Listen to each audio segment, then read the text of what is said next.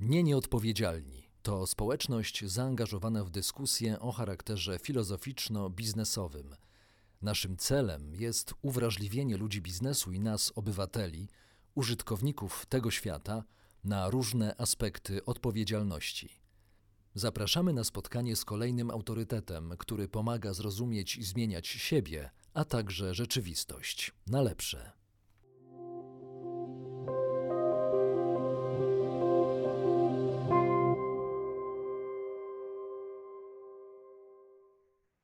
Dzień dobry, witam Państwa. Żyjemy w czasach epidemii koronawirusa, co spowodowało chociażby spore ograniczenia w handlu. Społeczeństwa, obywatele zaczynają zastanawiać się nie tylko nad konsekwencjami tej sytuacji pod względem zdrowotnym, ale również pod względem finansowym. To wszystko powoduje duże zmiany na rynku e, i o tych zmianach chciałbym dzisiaj porozmawiać e, z specjalistką zajmującą się właśnie tymi zagadnieniami, czyli chciałbym przedstawić drogiego gościa, drogiego środowisku nie nieodpowiedzialnych. To profesor Dominika Mezon, psycholog konsumencki, dziekan Wydziału Psychologii Uniwersytetu Warszawskiego, a także współzałożycielka i szefowa Domu Badawczego Mezon and Partners. Bardzo serdecznie witam Cię Dominiko. Dzień dobry. Zacznijmy od e, tego, co już wiemy, to znaczy co zmieniło się Twoim zdaniem e, w zachowaniach konsumenckich. Mhm. O, no to jest oczywiście jak zwykle bardzo złożone pytanie. E, ja mam wrażenie, że e, z tym, co się dzieje teraz z koronawirusem, jest trochę jak z taką chorobą, która ma różne fazy. Mm, I mieliśmy e, na przykład pierwszą fazę, którą był ten szał zakupowy. Mm, to była taka faza bardzo psychologiczna. To był ten początek, marzec mniej więcej, tak, pierwsza połowa marca do, do, do końca marca. To był szał zakupów. E, zakupów e, strasznie emocjonalnych, e, takich, no, nawet wszyscy się wyśmiewali z już symbolicznego papieru toaletowego, na który się kupili, na który, na który się rzucili klienci. To myśmy robili badania tego zachowania i okazuje się, że to, jak ludzie reagowali w tamtym czasie, znaczy czy wpadali w ten szał zakupów, czy też nie, w bardzo dużym stopniu zależało od wymiaru psychologicznego, a mianowicie tego, czy czuli lęk przed koronawirusem. Jeżeli czuli po pierwsze lęk, a po drugie brak kontroli, to jest też bardzo ciekawe, czyli mieli poczucie, że niewiele mogą z tym sami zrobić, to jakby przerzucali tę kontrolę, tę potrzebę kontroli na zakupy, czyli zaczynali kupować y, bardzo dużo, e, wydawać bardzo dużo pieniędzy e, na te zakupy. I na przykład w naszych analizach wyszło, że to, ile ludzie wydawali na, e, na te zakupy, e, żeby sobie tam wypchać wszystkie szafy produktami, zależało w dużo większym stopniu od ich poczucia lęku i poczucia braku kontroli nad sytuacją niż dochodów. I to jest bardzo ciekawe, bo, bo ta rozpiętość, za, e, ile ludzie wtedy wydawali nadmiarowo, e, czy, czy specjalnie na tę okazję, była nawet do, do, do kilku tysięcy złotych. A, a widać, że bardziej psychologia tu miała znaczenie niż rzeczywiście e, mm, to, jakie możliwości osoba miała. Jednym słowem, kupowali tak. sobie po prostu spokój, bo też kupując rzeczy jakie spodziewam się, że wkładali wtedy do koszyka, wiedzieli dobrze, że one się szybko nie zmarnują, że są im niezbędne do przeżycia. No chyba wtedy kupowało się takie rzeczy właśnie. Zdecydowanie. Y, ja nawet tutaj sobie popatrzę na jedne, nawet mam takie, takie ciekawe wyniki z tych naszych badań.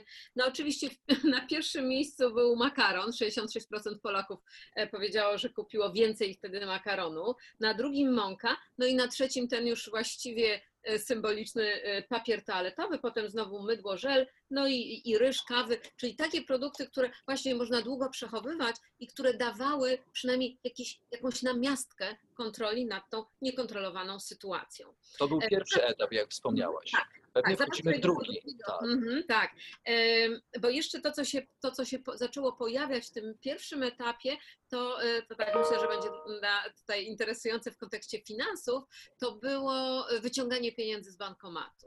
Tak, bo się pojawiały takie plotki, to, to często też w ogóle e, te zachowania były wynikiem plotek, były wynikiem e, takiej takiego no, owczego pędu, jak to się potocznie nazywa, e, czyli widzieli ludzie, że inni to robią i sami też zaczynali robić. No i to się uspokoiło dosyć szybko. Właściwie w tej chwili zupełnie tego zjawiska nie obserwujemy.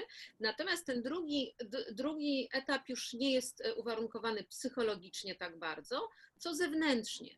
To znaczy, mamy przepisy, które nam nie pozwalają pójść do teatru, niedawno jeszcze nie pozwalały pójść do parku, nie pozwalają pójść na siłownię, e, nie pozwalają pójść do restauracji, do sklepu przede wszystkim, dużego sklepu, e, jakiejś takiej galerii handlowej, do której bardzo wielu, e, wiele osób chodziło. No i co się wtedy dzieje? Wtedy dużo ciekawsza jest już reakcja na to, czyli nie samo zachowanie, bo zachowania są wymuszone, to znaczy to, że, że nie możemy pójść tu, tam czy gdzieś e, jest wymuszone, ale teraz co w zamian za to się dzieje, co w zamian za to konsumenci robią. No i tu mamy fascynujące pole e, obserwacji. Nawet dzisiaj słyszałam, jak bardzo podobno o 30% e, wzrosło E, wzrosły zakupy online w Polsce. E, I tutaj nie mówimy o takich dobrach trwałych, bo to było, ale dobrach szybko zbywalnych, właśnie jedzenia, jakichś takich, czyli tych FMCG, tak zwanych dóbr. Czyli mamy teraz odpowiedź ludzi na te zakazy. No i szybko bardzo odpowiedzieli. To znaczy, przede wszystkim mamy online, ale mamy online nie tylko w postaci zakupów, ale korzystania z usług, bo mamy przecież całą, przepraszam bardzo, mamy y, na przykład, co się stało z fitnessami, z fitness klubami. E, mamy niezwykle szeroką ofertę ćwiczeń online. Takich rzeczy, na które by nikt nie wpadł e, jeszcze y, rok temu, pół roku temu.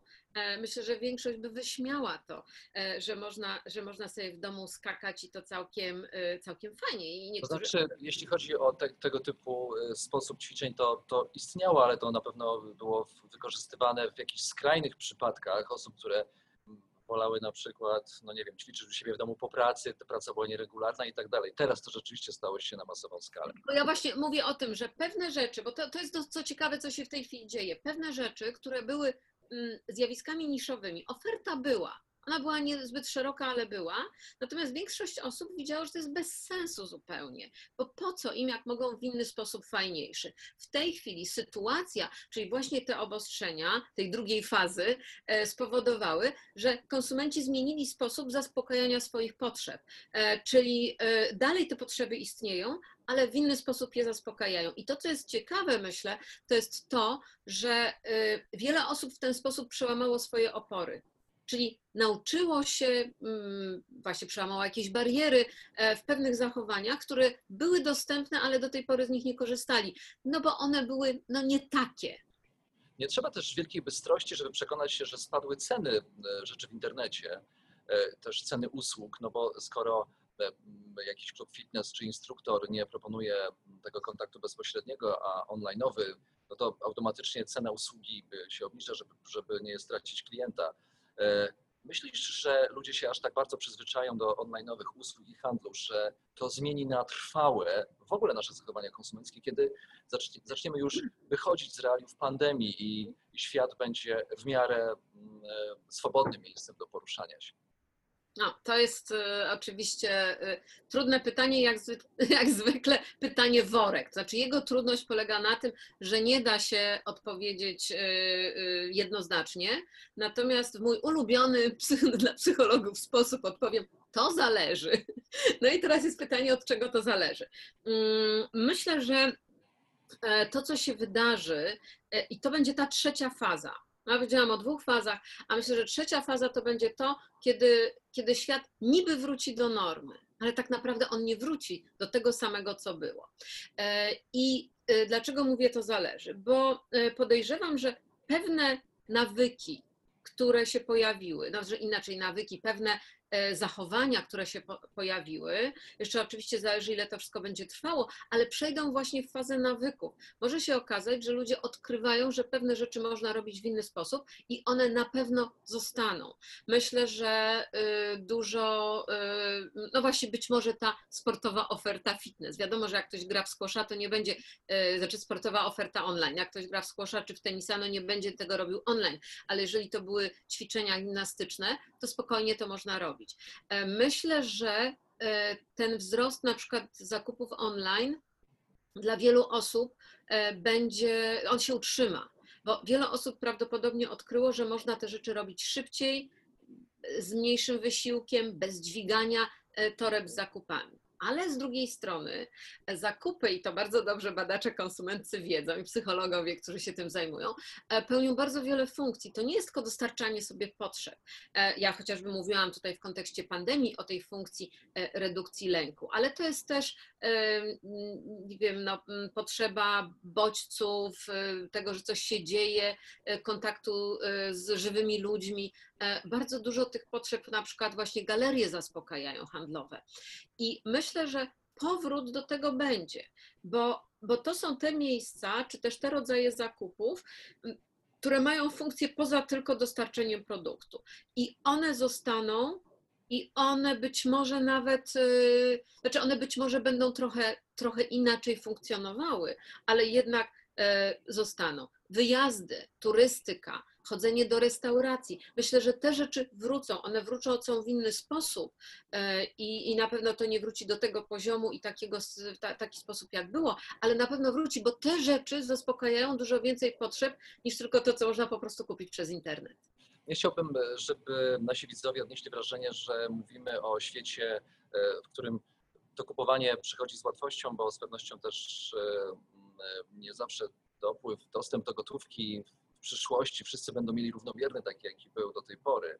No i teraz porozmawiamy o tym, co mm, się wydarzy w, w kwestii właśnie konsumowania e, już na dużych grupach społecznych. To znaczy, czy wyobrażasz sobie, że jakaś grupa społeczna będzie pozbawiona tego przywileju, e, no i też, tak jak powiedziałeś, przyjemności e, zakupów, bo po prostu nie będzie ludzi na to stać. Jaka grupa społeczna skorzysta na tej obecnej sytuacji, E, czy przyszłej sytuacji, a jaka e, będzie z tego powodu cierpieć, będzie pozbawiona pewnych przyjemności. Mm, wiesz co, y, to czy tak, jeszcze pierwsza rzecz z tą przyjemnością, to też jest tak, ja powiedziałam, że funkcja zakupów jest bardzo różnorodna, ale to nie znaczy, że u wszystkich jest taka sama funkcja, bo mamy też osoby, które nie cierpią zakupów, żadnych. I myślę, że te osoby E, jak teraz odkryły inne rozwiązania, właśnie szybsze, łatwiejsze dla nich, właśnie chociażby przez internet, być może przejdą na ten sposób robienia zakupów bardzo, bardzo chętnie. Ci powrócą, którzy, dla których było to przyjemnością. No ale teraz zadałeś drugie pytanie, e, czy to będą wszyscy, czy u wszystkich tak samo? Znaczy, na pewno nie. To, co się zdarzy, bez wątpienia, bo to już w tej chwili widać, to chyba jednak pewne rozwarstwienie społeczeństwa.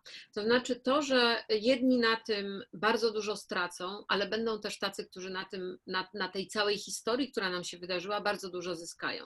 I oczywiście mm, no nie, nie, trudno też sobie wyobrazić, kto straci. No wszyscy ci, którzy stracą pracę, a jeszcze bardziej ci, którzy stracą firmy, E, więc duża część e, polskiego społeczeństwa, która miała dosyć dużą siłę nabywczą, nie będzie jej już miała przez jakiś czas. No ale będą ci, którzy zyskają. I tutaj kto, kto zyska? Oczywiście zyskają e, osoby, które powiedzmy sobie tak brzydko cwaniacy, którzy w bardzo niefajny sposób wykorzystują teraz tę sytuację. To są producenci różnych produktów, które są potrzebne w tej chwili, a którzy na przykład podnoszą e, ogromnie e, ceny tych produktów. To się dzieje zresztą we wszystkich krajach. Zresztą w wielu krajach są e, rządowe obostrzenia właśnie dotyczące albo maksymalnych cen na pewne produkty, albo tego, ile jedna osoba może kupić, właśnie po to, żeby, żeby nie było tego, brzydko powiem, nachapania się na cudzej krzywdzie. Ale mamy też wiele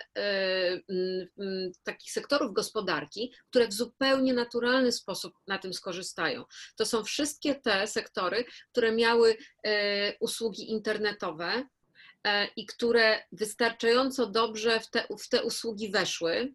Albo na przykład tak wczoraj sobie zobaczyłam paczkomat, e, który teraz e, swoją ofertę poszerzył o lodówki do minus 18 stopni, żeby móc tam dostarczać e, produkty, które, które wymagają przechowywania w niskiej temperaturze. No, niesamowicie szybka, szybka odpowiedź takiej oferty handlowej. I właśnie ci wygrają, którzy szybko to wykorzystali oraz ci, którzy no właśnie teraz są najbardziej potrzebni. Firmy kurierskie, na przykład. No ja się zastanawiam, wiesz co jeszcze, jeżeli mogę powiedzieć, ale w kontekście tego, o czym mówisz, o tych zmianach i co się utrzyma, a co nie, cały czas mnie zastanawia to, co jest tą jedną z moich nóg mojej działalności, e, czyli uniwersytet, czyli e, wyższa edukacja, ponieważ myśmy bardzo szybko, jako wszystkie uczelnie w Polsce, przeszli na zdalne nauczanie. Cały czas się zastanawiam, E, czy to e, zmieni sposób funkcjonowania uniwersytetów. Ja osobiście uważam, że na pewno. E, to nie znaczy, że wszystko przejdzie na online, bo ten kontakt bezpośredni jest niezwykle potrzebny, ale myślę, że, że będzie to miało wpływ na to, jak edukacja będzie w przyszłości wyglądała. Pozwól, że zachowam to w pamięci, to znaczy jest to zaproszenie do rozmowy o edukacji, wyższej edukacji właśnie i E, z dużą przyjemnością oczywiście zaproszę Cię znowu do, e, do rozmowy. Zmienimy sobie tylko zakres, e, zakres tematyczny. Teraz powracając do, do tego, kto co będzie posiadał lub jakie będzie miał korzyści z tego, że no, wszyscy mm, cierpimy na, mm, na konsekwencje koronawirusa. Czy wyobrażasz sobie sytuację, w której na przykład bogatsi mm, E, korzystają na przykład e, z hoteli butikowych, mają zupełnie mm, taką alternatywną rzeczywistość zbudowaną dla e, siebie przez szybko reagujący biznes, szukający mm, dla siebie zarobku, taka bardzo higieniczna, sterylna druga rzeczywistość, podczas gdy reszta, ta rozwarstwiona, będzie no, musiała korzystać z, z innych rozwiązań. Wiesz co, y, mm, to jest w ogóle niezwykle ciekawe, o czym teraz powiedziałeś, bo y, z jednej strony ja, ja powiedziałam o tym, o biznesach. Jedne zyskają, drugie stracą. To samo z ludźmi. Jedni właśnie staną się dużo biedniejsi, a inni dużo bogatsi.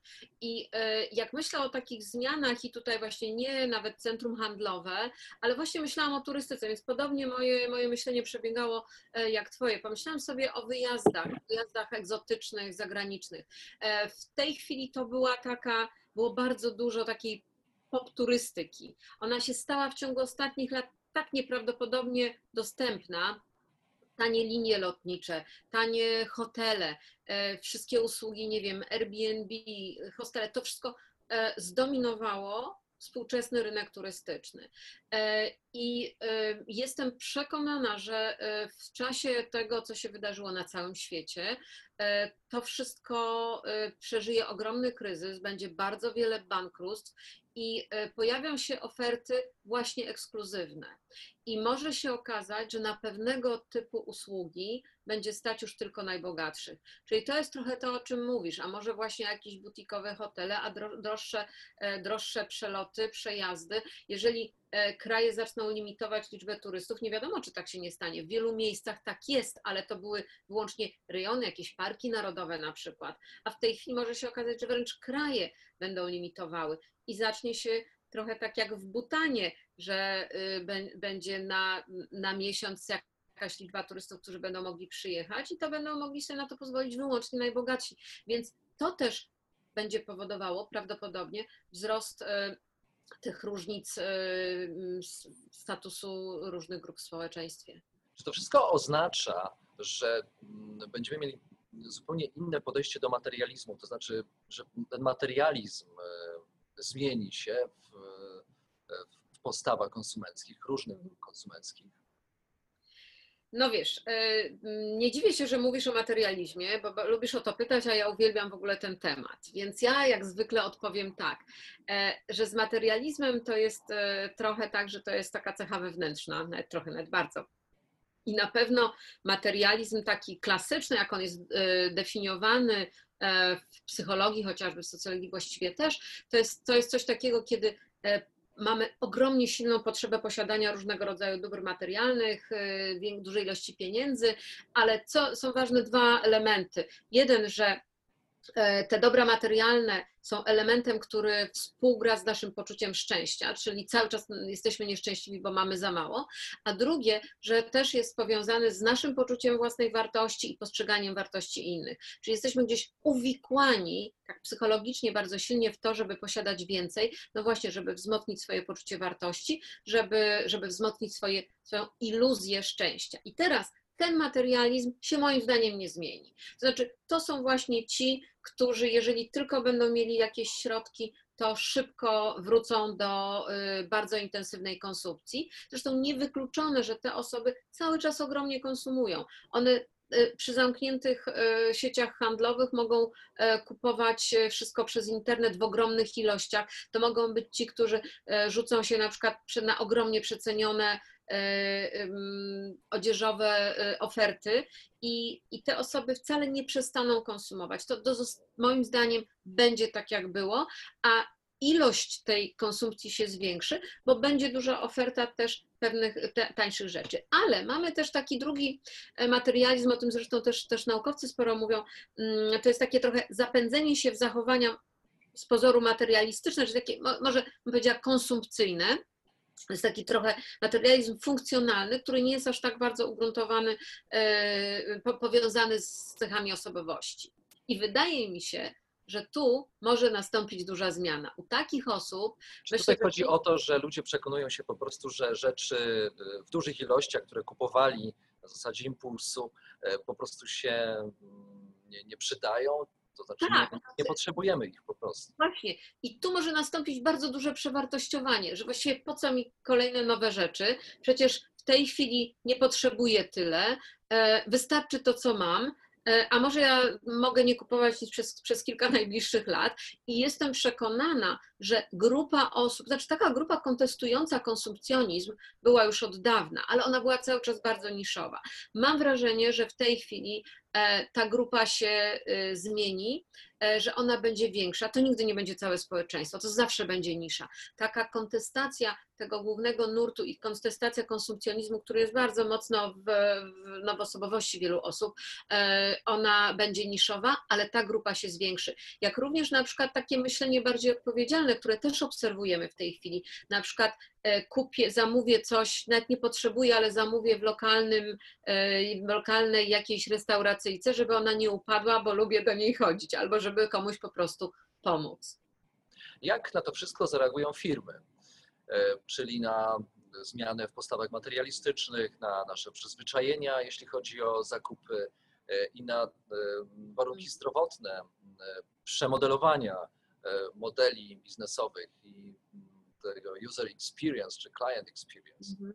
Znaczy, ja mam wrażenie, że tak jak w tej chwili zareagowały, to one już nie muszą bardziej reagować. To znaczy, pierwsza sprawa jest taka, że e, no to co widzimy, to jest ta, ta druga faza, o której powiedziałam, e, gdzie y, mamy obwarowania prawne, które spowodowały zatrzymanie pewnego rodzaju konsumpcji i co firmy zrobiły? Natychmiast, niektóre oczywiście, te, które są elastyczne, które miały możliwość zrobienia tego, które myślą przyszłościowo, szybko zmieniły, zmieniły swoją e, ofertę na przykład właśnie na sprzedaż wysyłkową, czego do tej pory nie robiły. W tej chwili wszystko już można wysyłkowo kupić, kwiaty na balkon, e, no, najróżniejsze rzeczy, które pewnie nie przychodziły nikomu wcześniej do głowy, e, więc to, to, już, to już się dzieje.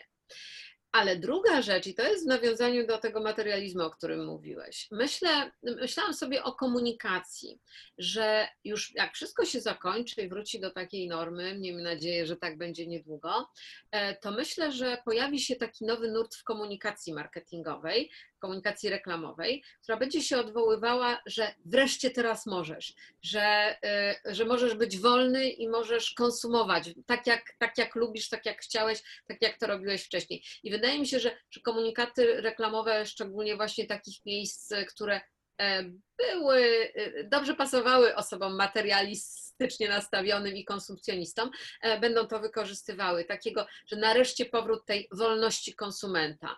E, I, I to mi się wydaje, że to będą firmy robiły. Oraz to, co na pewno e, myślę, że się wydarzy, to jest trochę przemodelowanie biznesu. To na pewno nastąpi w turystyce, bez wątpienia. Mm, nie wiem, czy właśnie nie w tym sporcie, o którym tak, ciągle przychodzi tutaj do głowy, też, czyli w tej ofercie sportowej, mm, ale myślę, że w jeszcze innych, które mi nawet w tej chwili nie, nie przychodzą do głowy, że musi nastąpić przemodelowanie biznesu, bo ten stary biznes w takiej formie i w takiej ofercie, jaki był, e, on już przestaje mieć miejsce, przynajmniej na tak szeroką ofertę. Mając możliwość e, rozmowy z Tobą, trudno nie zapytać mi przejść do drugiego wątku, E, czyli o nawyki dotyczące oszczędzania. E, to znaczy, czy To, co się dzieje obecnie w rzeczywistości zdrowotnej, społecznej, handlowej, i a co dotyczy pośrednio finansów, wpłynie na zmianę nawyków oszczędzania u Polaków, którzy jak wiadomo no nie są mistrzami świata w tej dyscyplinie. Nie, a, a mogę jeszcze powiedzieć coś, ale o finansach. Ale nie o bardzo, bardzo. Bo, bo jeszcze jak rozmawiamy o tych zmianach, to co widać w ogóle niesamowicie, to jest ten inny mój wątek e, badań finansowych, to jest przejście na obrót bezgotówkowy. Znaczy to, o co ja współpracując z Narodowym Bankiem Polskim przez lata nad właśnie promowaniem obrotu bezgotówkowego i mieliśmy no, z roku na rok były wzrosty, ale niewielkie. To, co się stało w tej chwili, to jest w ogóle niesamowite. Ludzie, którzy mieli, może nie wzrosła liczba osób, które w ogóle zaczęły, a nigdy tego nie robiły, ale jeżeli mówimy o takich, którzy chociaż co jakiś czas, to w tej chwili to nastąpiła taka duża intensyfikacja, to w naszych badaniach też wychodzi, e, ponad połowa Polaków mówi, że dużo częściej w tej chwili płaci bezgotówkowo i druga bariera, przejście na e, e, bezgotówkowe płatności, czyli bez użycia PIN-u, bez dotykania, którym można się zarazić. Więc już tu na to przykład. Ciekawe, to jest bardzo ciekawy wątek, dlatego że my jesteśmy krajem o bardzo mocno rozwiniętej sieci terminali płatniczych. E, Zachód Europy na przykład tego nie ma i być może jest to również e, taki e, mocny impuls do tego, żeby powstrzymywać epidemię, prawda? Że, że, że ten twardy pieniądz papierowy czy, czy monety nie krążące pomiędzy w społeczeństwie powodują, że u nas tych zachorowań jest mniej. Wiesz, ja bym była ostrożna z takim wnioskiem, zostawię go tobie. Ja na razie jeszcze nie, nie jestem co do tego przekonana. To może wróćmy do oszczędzania. Dobrze. E, mm, rzeczywiście jesteśmy, jest problem w Polsce z oszczędzaniem i e, naprawdę niewiele, mm, za mało osób oszczędza i to wiemy, wiemy od dawna. Ja dzisiaj zobaczyłam wyniki, które mówią, że e, w tej chwili 20% Polaków mówi, że jeżeli by stracili pracę, to starczy im oszczędności na tydzień życia. E, kolejne 20% na miesiąc, e, czyli mamy prawie połowę Polaków, którzy więcej niż e, miesiąc by nie przeżyli, gdyby w tej chwili stracili pracę. A wiadomo, że już bardzo wielu straciło. Ciekawe, jak oni sobie radzą, skoro bardzo duża grupa z nich nie miała zapasów tych pieniędzy. Ale też powiem, że ten problem jest nie tylko w Polsce, on jest we wszystkich krajach. Ja analizując w ogóle zachowania oszczędnościowe, widzę, że wszyscy się z tym borykają we wszystkich krajach i we wszystkich wszystkich krajach nastąpiło coś, czego nikt sobie nie wyobrażał do tej pory. Czyli taka sytuacja, że właśnie się okazało, że każdy powinien teraz mieć i to duże oszczędności. No i teraz jak to wpłynie? Ha, no i tutaj ja uważam, że znowu, jak zwykle, to zależy. I to zależy od struktury takiej psychologicznej osoby. Moje badania nad oszczędzaniem wyraźnie pokazują, że to, czy ktoś ma oszczędności, czy nie, w dużo większym stopniu zależy od jego struktury psychologicznej, a nie tego, ile ma pieniędzy. Potocznie się uważa, że jak ma ktoś więcej, to, ma, e, to, to, to więcej częściej oszczędza, jak ma mniej pieniędzy, to rzadziej. Nie jest tak. Oczywiście ci, którzy mają dużo pieniędzy, mają większe kwoty zaoszczędzone, ale ta inklinacja do samego oszczędzania, taka gotowość oszczędzania zależy od różnych cech, jak na przykład umiejętność odraczania gratyfikacji, czyli to, że możemy sobie powiedzieć nie teraz, tylko za miesiąc, tak zwana przyszłościowa perspektywa czasowa, nie sprzyja oszczędzaniu neurotyzm na przykład. No i mamy jeszcze wiele, wiele innych cech, nie będę w tej chwili o nich mówiła. No i teraz, y, dlaczego powiedziałam, to zależy? Myślę, że to doświadczenie e, zadziała na dwie strony. Osoby, które mają deficyty psychologiczne z tego typu e, cechami, które ułatwiają oszczędzanie, a szczególnie te, które nie mają perspektywy czasowej, a są tak nastawione mocno na tu i teraz, albo hedonistycznie, albo tak fatalistycznie, czyli, czyli nie mają poczucia sprawstwa, nie mają takiej wewnętrznej kontroli, poczucia kontroli nad tym, co robią, te osoby prawdopodobnie utwierdzą się w tym, że po co oszczędzać. I tak nie znasz dnia i godziny, wszystko może paść, y, oszczędności może mi zabrać y, jakaś inna, inny kataklizm, a jeszcze ci, którzy wierzą w różnego rodzaju teorie, teorie spiskowe, jeszcze bardziej będą miały taką skłonność, bo po co? E, I u nich prawdopodobnie ta reakcja się wzmocni po tej traumie koronawirusowej. Natomiast ci, którzy mają już predyspozycje, prawdopodobnie zobaczyli gdzieś tam na własnej skórze e, czy na własne oczy, że jednak warto że to bardzo pomaga, że to, to daje takie poczucie bezpieczeństwa. I już kończąc tylko to, podam przykład. Było dużo badań robionych nad tym, nad na przykład ubezpieczaniem się ludzi, którzy mieszkają na terenach takich powodziowych. No i się okazywało, że tak jak kiedyś myślano, że jak ktoś przeżyje powódź, no to oczywiście już teraz zawsze się będzie ubezpieczał. Nie, to zależało właśnie od tej struktury psychologicznej, które ludzie mieli. Dla niektórych to było doświadczenie, które mówiło, nie znasz dnia i godziny i nie masz wpływu na siły natury. Czyli ja bym nie liczyła, że tędy droga, że to będzie taka zbawienna e, rola koronawirusa w edukacji finansowej społeczeństwa. A czy to wszystko powoduje, że my mamy na przykład większe zaufanie do e, handlu e, internetowego, do, do firm, które mają już rozbudowany silnie ten kontakt ze swoim klientem? Czy to oznacza, że równocześnie inne instytucje, jeśli chodzi o zaufanie publiczne, spadają? Na przykład y, y, myślę tutaj w ogóle o instytucjach y, finansowych, które działają gdzieś w tle, ale teraz się o nich w ogóle nie mówi. Nie mówi się o kryzysie finansowym, tylko mówi się właśnie o kryzysie zdrowotnym czy kryzysie gospodarki jako, jako całości.